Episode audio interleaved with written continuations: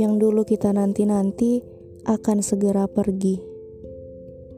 Dulu sebelum bertemu, rindu kita sangat menggebu. Kita punya targetan ini dan itu. Namun berakhir dengan amalan buntu saat bertemu. Dulu sebelum bertemu, kita bertekad untuk lebih baik, tak ingin jadi orang yang merugi. Namun sebulan bersama, terasa bagai sehari saja.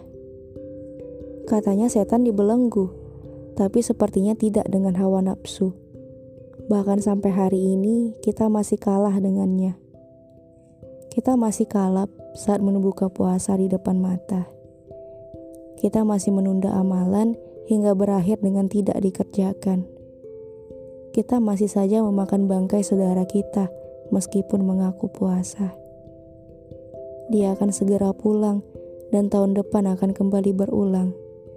Namun siapa yang bisa menjamin umur kita akan panjang? Siapa yang bisa menjamin kerinduan akan kembali berbalas dengan pertemuan?